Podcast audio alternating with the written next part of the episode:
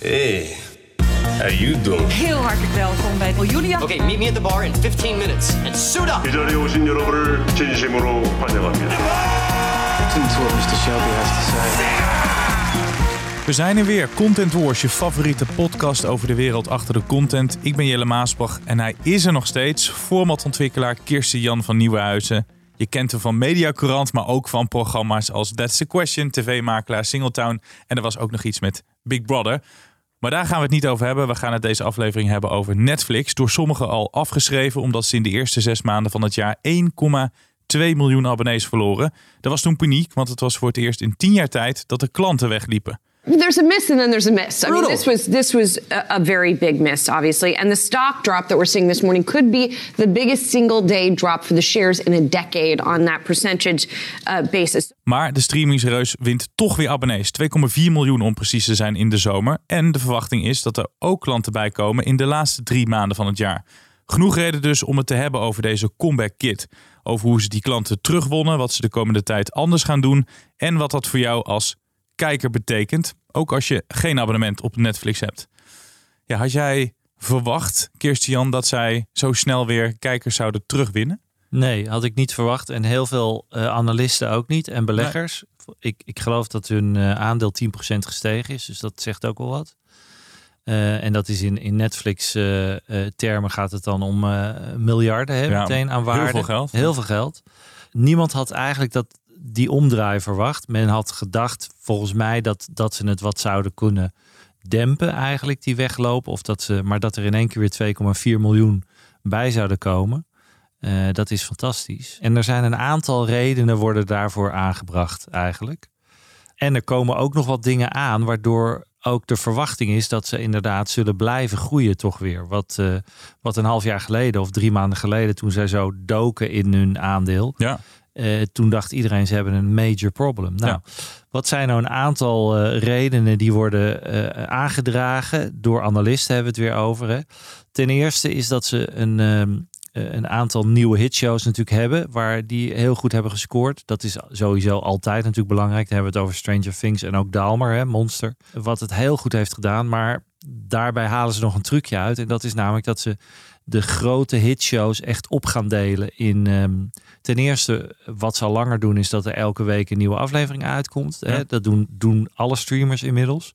Maar eh, Netflix heeft ook inmiddels dat het tweede deel van de serie komt later. Dus bij Stranger Things zie je nu eh, eh, het volgende seizoen wordt ook uitgesteld. Dat doen ze zodat jij niet een proefabonnement kan nemen. En niet in een maand tijd alles kan wegbintje. Ja, en dan weer weg bent als klant. En weer weg bent. Ja. Dus mensen worden echt gedwongen om langer te blijven. Dat is het eerste wat ze, wat ze doen. En wat dus schijnbaar al direct resultaat heeft.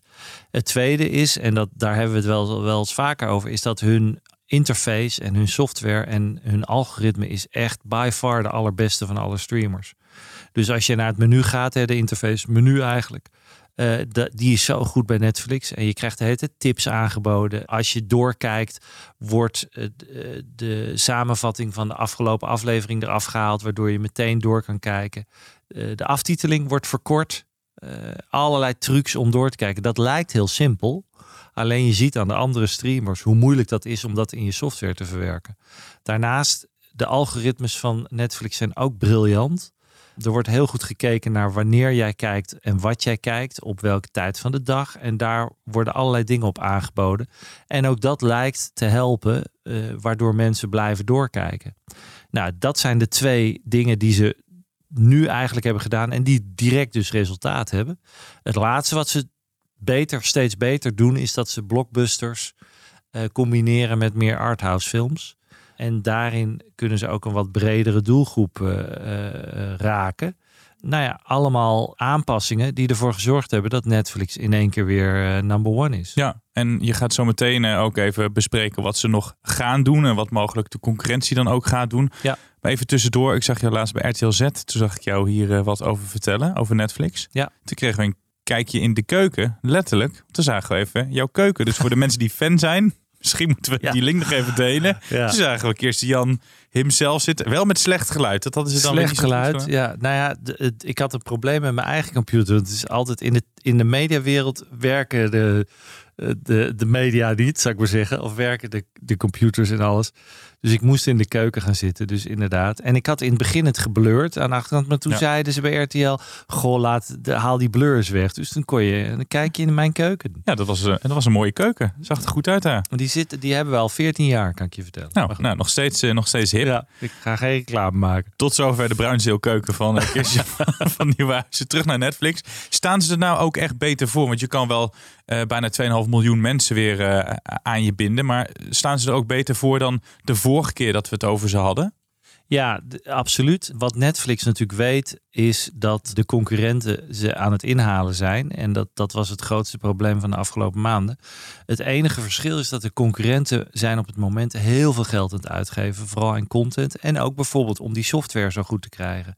Netflix heeft dat allemaal al.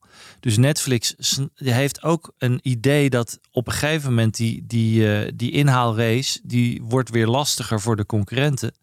Ook A, omdat zij op een gegeven moment geld moeten gaan verdienen. En Netflix is ongeveer de enige partij die met als streamer geld verdient, hè, die winst maakt. Ja. Alle andere partijen kost het alleen maar geld. Dus Netflix heeft ook wel het vermoeden van, ja, op een gegeven moment gaat dat ook wel tegen ze werken, dat zij nog zoveel moeten inhalen. Ik snap wel dat ze wat moeten doen. Dus wat je zegt, eh, de tweede helft laten uitzenden of per week.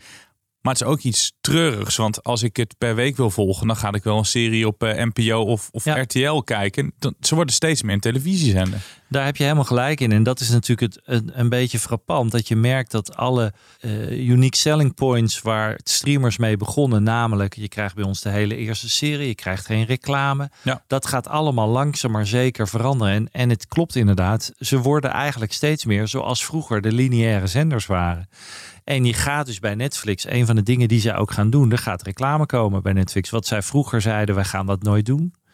Eh, nou, je ziet dus al inderdaad gebeuren dat je dus eh, elke week een nieuwe aflevering krijgt. Dus iedereen zit nu met smart te wachten op, eh, op weer de volgende week dat het komt.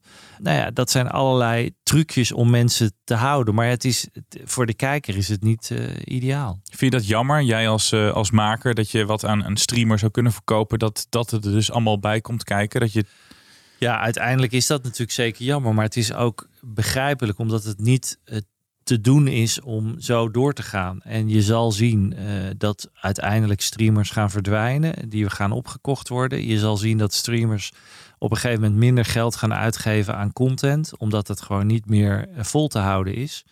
Ehm, met de appetite van kijkers die elke week een nieuwe serie willen hebben, omdat ze het binnen een week uitbingen.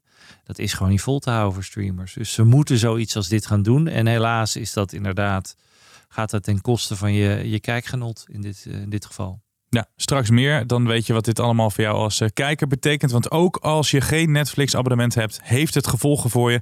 Dat legt eh, Kirsten Jan je zo uit. Eerst even naar de persoon die deze week in de hoofdrol staat bij ons. In de hoofdrol. Ja, we gaan het deze week even hebben over eh, Rob Kemps. En waarom gaan we het over Rob Kemps hebben? Nou, iedereen eh, weet inmiddels natuurlijk wie Rob is en hoe divers hij is. En dat blijkt ook wel. Hè. Dat was toen bij de slimste mens. Vond iedereen dat al zo bijzonder dat Snollebolleke daar zoveel wist. En inmiddels zie je ook die diversiteit eigenlijk in wat hij doet op tv. Uh, hij begon natuurlijk met The Wheel, zijn eerste show bij SBS, wat geen succes was. Nee. Was veel kritiek op de manier waarop hij het presenteerde. Hij schreeuwde Ik, nogal, hè? Hij schreeuwde nogal. En sowieso, hè, mensen verkijken zich soms op het feit hoe moeilijk het is om een quiz te presenteren. En dat moet je echt niet gaan doen als, je, als dat je eerste show is. Dus dat had ik hem nooit aangeraden. Vervolgens uh, heeft hij met chansons en zeker nu weer de tweede seizoen echt een, uh, een, een kijkcijferhit. Ja. Uh, chansons al twee keer over, dik over het miljoen heen. Derde aflevering iets minder, maar dat kwam mede door Mark, eh, Max Verstappen die op dat moment reed, meen ik. Nee, dat is niet helemaal waar. Ja, is wel waar. Op zondag. Maar gewoon ontzettend goed gemaakt programma. En waarin Rob echt shined, hè, die zijn passie kan vertellen. Ondertussen heeft hij natuurlijk Ik hou van Holland overgenomen van Linda. Ook daar aanvankelijk veel kritiek op. En, en, en grote schoenen om te vullen. Ja. Ook daar wordt de rol van de presentator echt onderschat. Het is echt niet zo makkelijk als het lijkt. Uh, ondanks dat je twee co-hosts hebt. Maar ga er maar eens aan staan als je Linda moet opvolgen. En doet dat eigenlijk ook heel goed. Ene keer wat beter scorend dan de ander. Maar ik denk dat SBS er heel blij mee is met wat hij doet. Dus zo langzamerhand merk je dat de kwaliteiten van Rob echt wel uh, tot uiting komen. Het spannende gaat nu worden. Hij gaat nu zijn eigen echte show krijgen. De tien vragen. Uh, die schijnen al opgenomen te zijn. Niemand weet wanneer die uitgezonden gaat worden. Maar dat wordt eventjes, dat wordt natuurlijk wat om te kijken, kan hij een format wat helemaal op hem geënt is, kan hij dat dragen? Johan Derksen noemt het een kutformat. Ja, inderdaad. Nou, dat zegt Johan Derksen zoiets wel vaker. dus maar hij zat er zelf in in hij het programma. Hij zat er zelf in. Um, dus ik ben ook heel benieuwd. Want ook interviewen is natuurlijk ook weer een, een kwaliteit. Dus ik ben uh, heel benieuwd of hij dat ook kan. Als, als dat zo is, dan uh, chapeau. Ja, en in de hoofdrol omdat hij dus gaat beginnen aan een nieuw avontuur. En dat je eigenlijk vindt dat hij tot nu toe wel redelijk goed doet. Ja, ik vind voor iemand die uh, in zo'n korte tijd aan het firmament is uh, verschenen en, en uh, eigenlijk op verschillende vlakken zo goed weet te scoren, vind ik echt knap. En ik denk dat de meeste mensen dat echt niet hadden verwacht van Rob. Hij heeft ook echt de nodige kritiek gekregen. Maar ik moet zeggen, ja, hij maakt het toch gewoon waar. Wie het ook waar kan maken is uh, van Nieuwenhuizen met zijn uh, podcast award. Want ja, het kan nog stemmen.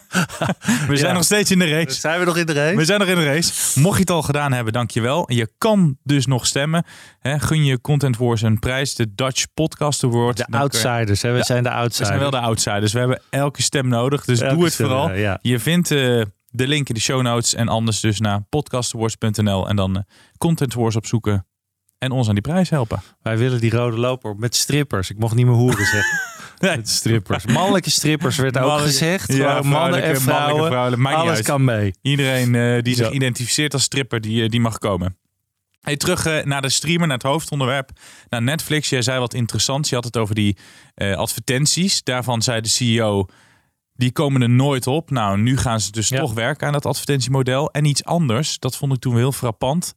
Ook de reden dat het aandeel het toen zo slecht deed. Toen Netflix bekend maakte, 100 miljoen huishoudens hebben een account waar ze niet voor betalen. Dus ze gaan ook die ja. gedeelde accounts aanpakken. Dat zijn twee grote dingen. Ja. Uh, wat ze nog gaan doen. Meer, ze zeggen meer dan de helft van alle abonnees. Ja, dus heel veel. Dus dat is heel veel. En ik denk ook als je om je heen kijkt, denk ik ook dat het eh, best wel veel gebeurt, inderdaad. Ze hebben in Zuid-Amerika inmiddels in een drietal landen een test gedaan om te kijken of ze dat daar iets aan konden doen. Uh, dat werd een beetje met gemengde uh, reacties ontvangen. Ze kunnen dat natuurlijk gewoon zien aan je IP-adres. Ja. Uh, waar er gekeken wordt. En dan wordt eigenlijk aangeboden dat die andere persoon voor, ik meen, rond de 2 euro bijbetaling kan blijven kijken. Uh, de verwachting is dat dat vroeg of laat ook uitgerold gaat worden over de rest van de wereld. Dus ook daar zijn er verwachtingen voor dat dat echt wel uh, flink wat extra inkomsten. Aan de andere kant kan je afvragen, gaat het ze ook uh, abonnees kosten? Dat mensen zeggen, ja, als ik het niet meer mag delen, dan ga ik weg. Dus dat is ook een risico. maar goed, analisten en beleggers denken dat dat een tweetal elementen zijn die ervoor kunnen zorgen dat ze zullen blijven groeien. Er zijn nog twee andere uh, dingen die wel interessant zijn. Ja. Um, het eerste wat ze proberen is om iets met gaming te gaan doen. En daar zijn een paar redenen voor. Ten eerste, de grootste groeimarkt ligt in uh, uh, Azië-Pacific, noemen ze dat. Dus dat is eigenlijk heel Azië en ook het Indonesische deel, zou ik maar zeggen. Ja. Het Pacifische deel. Uh, Pacific. Daar is de grootste groeimarkt voor alle streamers eigenlijk. En heel veel mensen zitten daar op hun telefoon. Kijken ook veel op hun telefoon. En de gamingmarkt is daar ook groot. Dus Netflix wil daar een, een stukje van meepakken. En heeft een gaming unit opgericht. Al een ruim een jaar geleden. Ik meen anderhalf jaar geleden hebben ze een aantal belangrijke mensen overgekocht. Van onder andere EA Games, wat de grootste game, uh, ongeveer de grootste gamefabrikant is ter wereld. En die proberen een aantal games te maken van hun grootste uh, shows. Dus er komt een Casa de Papel game. Ik meen dat er al een klein spelletje is. Een Stranger Things game. Ja, ja uh, monetizen van je brands is dat. Hè? Gewoon verder uitwerken, verdienen aan de, de beroemde brands. Ja, als je weet hoeveel geld er omgaat in de gamingwereld, dan uh, als ze daar maar een klein beetje van kunnen meepikken. Het andere is dat ze daarmee een doelgroep van gamers Wat een interessante doelgroep is. Jong over het algemeen, maar ook veel 20 en 30-plussers. Hopen ze daarmee nog meer aan zich te binden. Dat is het eerste. Het lastige bij gaming is, is dat de investeringen heel hoog zijn. En Ja. dat het een langere termijn is. Wat ze op korte termijn proberen te doen bij Netflix, ook dat is interessant, is live programming. En dat had je niet verwacht bij streamers, hè, dat ze iets met live gaan doen. Er is al gesproken dat zij willen gaan bieden op de rechten van Formule 1. Nou, dat gaat wat worden. Onder andere voor Viaplay natuurlijk, als die weer vrijkomen. Ik meen in 2025 geloof ik komen die rechten weer vrij. Kan ook 24 zijn. Het duurt nog eventjes, maar ja, als Netflix zich daarmee gaat bemoeien, dan eh, Is via Play weg. ja, dan kan je afvragen van kan Viaplay dat geweld aan? Het andere wat zij willen gaan proberen bij Netflix is te kijken of ze bepaalde shows, bijvoorbeeld de halve finale en de finale live kunnen gaan doen, waardoor je kan gaan inbellen. En inbellen eh, genereert natuurlijk geld, maar genereert ook participatie en mensen krijgen het gevoel ik moet dit zien. Dus er komt een, en bij Netflix een, een grote dansshow aan die heet Dance 10 en daar zitten ze te kijken kunnen we bijvoorbeeld de finale daar live van doen, waardoor mensen gaan bellen wie er moet winnen. Is dat zoiets als het eh, legendarische dansmarathon? Zeker, dat wordt een nieuwe dansoorlog. Eh nou ja, ik, nee, ik dacht dat jij even refereerde aan de Dancing on Ice, Ja. maar dansmarathon. Ja, nou ja, goed. Ik ben alweer vergeten of je bij dansmarathon kon je toen inbellen eigenlijk. Mocht, was dat, weet jij dat nog? Weet ik eigenlijk ook Nee, niet. eh, nee. Weet ik ook niet. Nou ja, bij Dancing on Ice, en dat was natuurlijk destijds ooit de dansoorlog tussen SBS en RTL, was natuurlijk inderdaad, mocht je stemmen. En heel veel van dit soort shows heeft, hebben stemelement. Maar dan zeg je weer iets over live en, en stemmen. Dan heb ik weer het idee dat ik naar eh, de televisie zit Ja, te kijken. ja. Naar een, een, Ja. een lineaire tv. Ja, dus het is ook, eh, het, het, het is ook een beetje ja, eh, zielig eigenlijk voor heel veel lineaire die tv-zenders die worden weggedrukt en dan zie je het door de streamers. Eh, en dan, En dan zie worden zij weer een beetje tv. eigenlijk langzaam maar zeker Ja. zie je de streamers steeds meer tv worden. Dus ja, het zijn allemaal ehm, eh, elementen die eraan lijken te gaan komen en Waarbij Netflix altijd natuurlijk de, de frontrunner, hè, degene is geweest. En heel veel andere streamers ook naar Netflix kijken. Dus je, de kans is heel groot dat dit bij andere streamers ook gaat gebeuren. Ja, want dat is de belangrijkste vraag. Want als je nou deze podcast luistert en je denkt, ja, hallo, jullie zeiden in het begin, het kan ook gevolgen voor jou hebben, ook al heb je geen Netflix-abonnement. Het kan dus gevolgen voor je hebben dat bijvoorbeeld jouw HBO of je Disney Plus ook in één keer denkt, we gaan iets met live doen of we gaan ook dat advertentiemodel erin gooien. Het kan dus zijn dat andere streamers het voorbeeld van Netflix, Netflix volgen, zeg Ja. maar. Absoluut. En eh, hè, een van de krachten van Disney bijvoorbeeld is dat zij ook eh, ESPN hebben, wat ook een streamer is, in Amerika althans.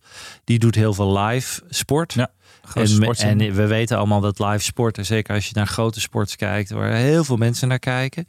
Dus ja, je- we gaan het gewoon eh, we gaan het zien. En, en we gaan het waarschijnlijk bij meer streamers meemaken. Ja, via Play had je het net over. Ik zag dat zij nu meer dan een miljoen abonnees hebben. Ze kwamen een jubelbericht. Zij staan er redelijk goed voor, zou je kunnen zeggen, in de strijd met Netflix. Hoe, hoe staat de concurrentie er eigenlijk eh, bij zo'n beetje? Nou, Viaplay doet het goed. eh Videoland doet het ook goed. Ja. Eh, wordt veel, zijn ook nog ruim boven het miljoen. Volgens mij strijden Viaplay en, en Videoland een beetje om de tweede plek in Nederland qua abonnees. Disney schijnt het eh, ook goed te doen. Ehm, HBO Max heeft door hun stunt dat, eh, dat je eh, de helft voor je de rest van je leven hoeft te- te betalen. ehm, in, in, no, in no time een enorme hoeveelheid abonnees gekregen. Wij zijn daar natuurlijk ook fan van. twee. Ja. Ook de kwaliteit. Het, het nadeel daarvan is dat ze het zo goed is gegaan dat ze meteen gedacht hebben: we hoeven voorlopig even geen Nederlandse content te maken. En alle producties zijn gestopt bij HBO Max. Er komt wel iets aan. Dat Fuckboy Island gaat er aankomen. Daar kunnen we het nog een keer over hebben. Maar dat is al, was al eerder gecommissioned en dat, dat is al een tijdje geleden opgenomen. Dus dat gaan ze nu eindelijk uitzenden. Maar voorlopig gaat HBO Max helemaal niks meer doen met eh, alle plannen die ze hadden om Nederlandse content te maken. Terwijl ze wel heel veel producenten aan het werk hadden gezet. Dus dat is wel een beetje zuur dat je denkt, jammer. Wat er nu aan gaat komen is natuurlijk Sky Showtime. Hè? Best wel een, een eh, joint venture van een, twee hele grote eh, internationale partijen. Daar hebben we het over Comcast en Paramount. Nou, dat zijn twee hele grote Ja, jongens in. Amerika. Daar vallen vooral filmstudio's onder, waaronder ehm, Universal, DreamWorks en Paramount. En die gaan, zijn nu net op de markt gestart met dezelfde truc. Je, als je nu je abonneert, eh, de rest van je leven voor de helft. Ja. Ik meen 3 euro, 3,5 euro, zoiets. Zitten weer verkapt reclame te maken. Maar Ja. Bij HBO waren ze ook blij eh, met ons. bij Sky Show, HBO heeft nooit iets van zich laten horen. Nee. Nee, maar goed. Ehm, ik ben benieuwd of Sky Showtime, eh, wat, of dat gaat lukken. Want eh, ja, ik weet niet of je alleen met, eh, met, ondanks dat ze een grote eh, eh, catalogus hebben, of je het gaat redden. Dus, dus de dingen die ze hebben zijn onder andere Halo en Top Gun en, en, en The Northman en Downtown eh, Abbey. Dat zijn grote series van ze. Echt wel goede series, maar eh, ze komen wel laat op de markt, denk ik. Dus ik weet het niet. Maar ja, eh, ik bedoel, dat dachten we volgens mij, heel veel mensen dachten dat ook van, van andere streamers. Hè? Van, of die het wel gingen redden. En die hebben het ook Die hebben het heel aardig gered, ja. Het is weer zover. Tijd voor het buitenlandse format. En vorige week was een ja, unicum. Het was hilarisch, hè, Kirstian? Want jij en Lisette waren het eh, niet, niet echt met elkaar eens. Het was een soort van kleine strijd was, dat was een fitty. over het Belgische format. Lisette van Diepen, goed dat je er weer bij ons bent. Hallo. Om eh, dat buitenlandse format met ons eh, te bespreken. Zou het hier werken? En wat ik net zei, eh, dat van vorige week kwam dus van de zuidenburen.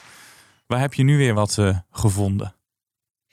Eh, we gaan naar Zweden en naar Frankrijk. En dan mogen jullie kiezen welke, welke we gaan bespreken. Maar tijdens de beurs was er ruimte voor een aantal eh, talkshows dat verkocht werd als format. Dus talkshows met een twist. En de eerste die ik zag heet The A-Talks. Dat komt uit Frankrijk van publieke zender France 2, waar het heel goed heeft gescoord. Het is eh, ontwikkeld door de regisseurs van die mooie Franse film eh, Intouchable.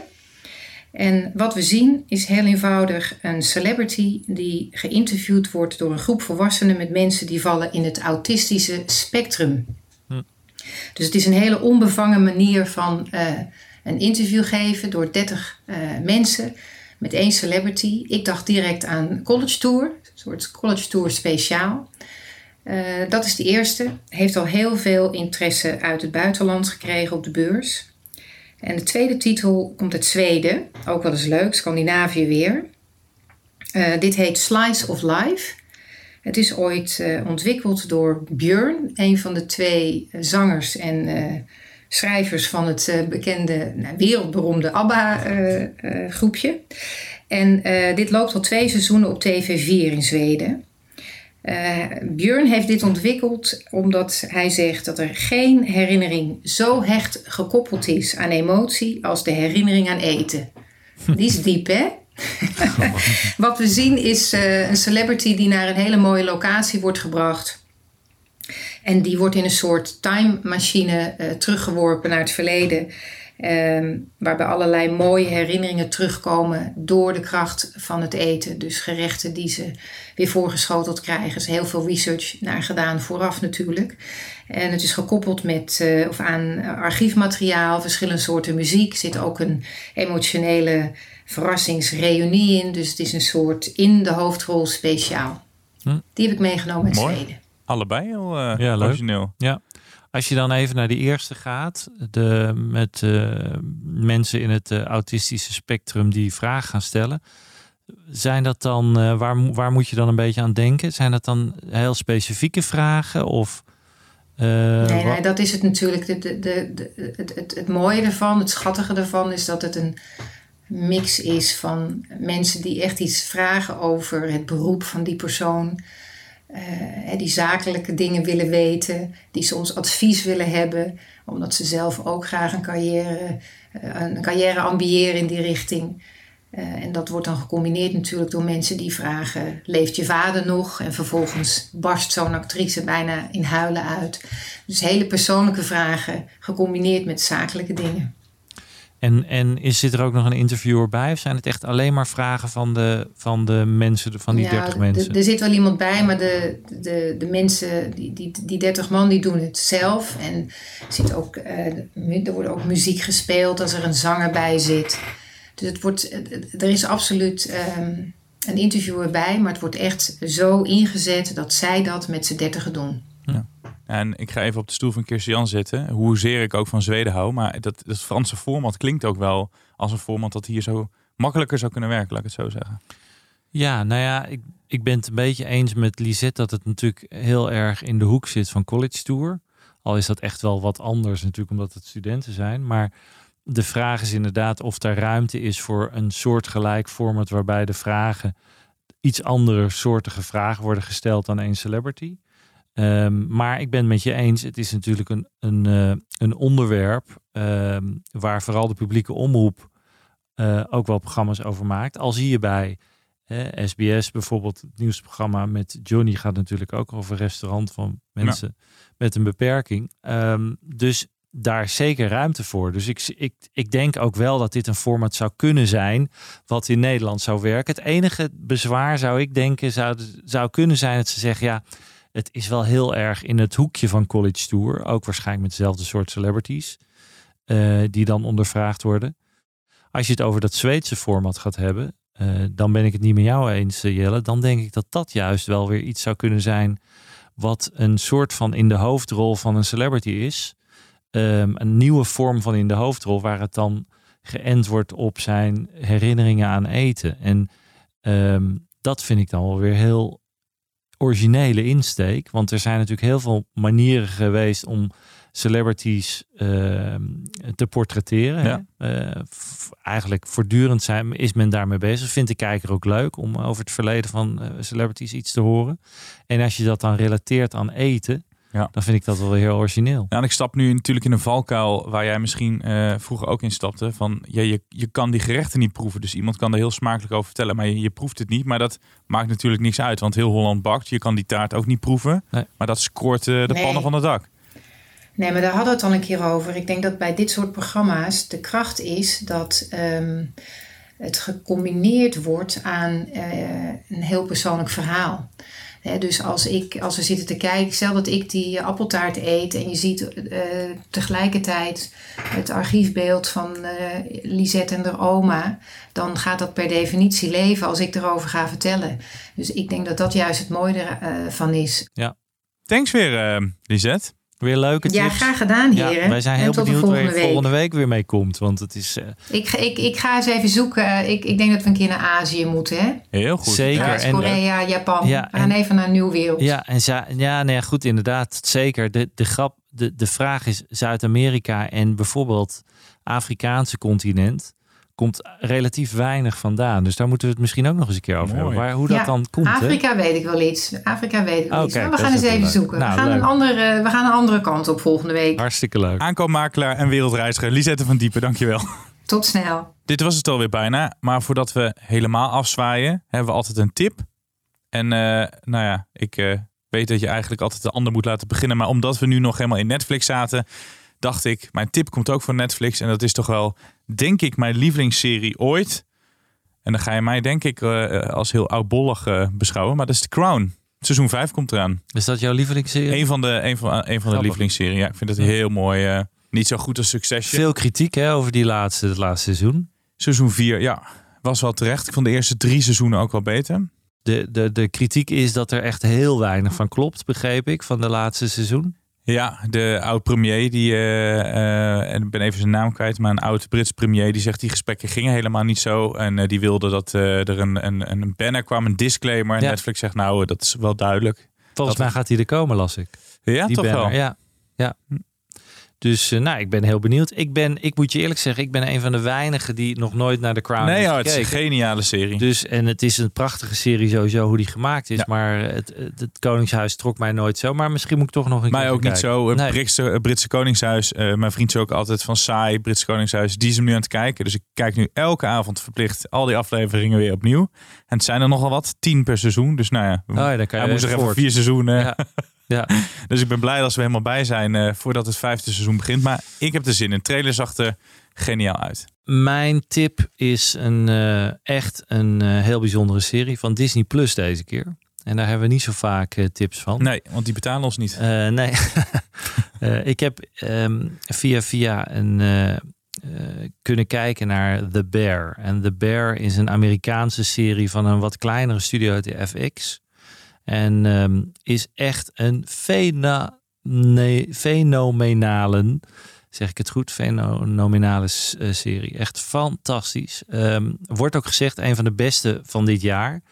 Het gaat over een, een, een, een chef-kok uh, die uh, het namaakt al in Amerika bij allerlei uh, toprestaurants. Mm -hmm. En vervolgens zijn broer pleegt zelfmoord en die heeft een lunchrestaurant in Chicago. En hij besluit om dat over te nemen en komt daar in een, een doorsnee Chicago's lunchrestaurant terecht. Uh, en dan gaan er uh, allerlei dingen spelen met een schuld en uh, een familiedrama. Waarom heeft zijn broer zelfmoord gepleegd, enzovoort, enzovoort. Maar het is echt briljant geacteerd. Op het moment dat er bijvoorbeeld heel veel bestellingen binnenkomen, wordt de cameravoering ook steeds hectischer. Dus dan wordt de, de hectiek in de keuken wordt opgevoerd. En dat doen ze heel goed hoe ze dat overbrengen. Nou, het is uh, een drama en comedy gecombineerd. Die, die hoofdrolspeler is Carmi. die is ook fantastisch. Ja, dit is echt wel. Dit is een HBO Max-achtige kwaliteit. als we het daarover hebben. En er is al het tweede seizoen aangekondigd. Uh, echt uh, super serie. En jij zei Disney Plus en toen de Bear. Toen dacht ik, dit gaat over een beertje dat verlaten is in de bos. Maar het is. Uh, ja, nee, het is een hele serieuze serie. Al is het ook echt wel comedy. Het is drama, familiedrama met comedy. Het lijkt, het heeft iets van de Sopranos qua gevoel. Oh, echt Amerikaans. Tof. Een beetje, oh, zit een beetje ja. maffia ook in, omdat het in Chicago speelt. het heeft ook wel iets van The Wire. Dus het is echt uh, Amerikaanse oh, topklasse. De, de lat uh, Ja, hoog. de lat ligt hoog, maar het, ze, ze maken het waar. En uh, ja, het is een reden om echt te gaan kijken naar The Bear op Disney+. Plus. Mooi. De lat heb jij ook weer hoog gelegd deze aflevering, hè? Over Netflix. Netflix. Dan gaat het op het We zitten ons einde gaat het mis. de hele Ja. tijd. Ja. We kunnen beter gaan stoppen. Hey, dankjewel. Uh, tot volgende week. En dan hebben we dus echt een speciale gast. Uh, waarbij jij echt hebt lopen slijmen om naar de studio te krijgen. Ja, mogen we het al zeggen nu eigenlijk? Wat ja, het je wordt? mag het. Uh, je mag Nou ja, Simon de Waal gaat. Kijk. eh, we gaan het hebben over het Gouden Uur natuurlijk. Dus, eh, Heel fijn. en over crime en over schrijven. Dus het wordt helemaal leuk. Ik heb er heel veel zin in. Ik ook. Tot volgende week.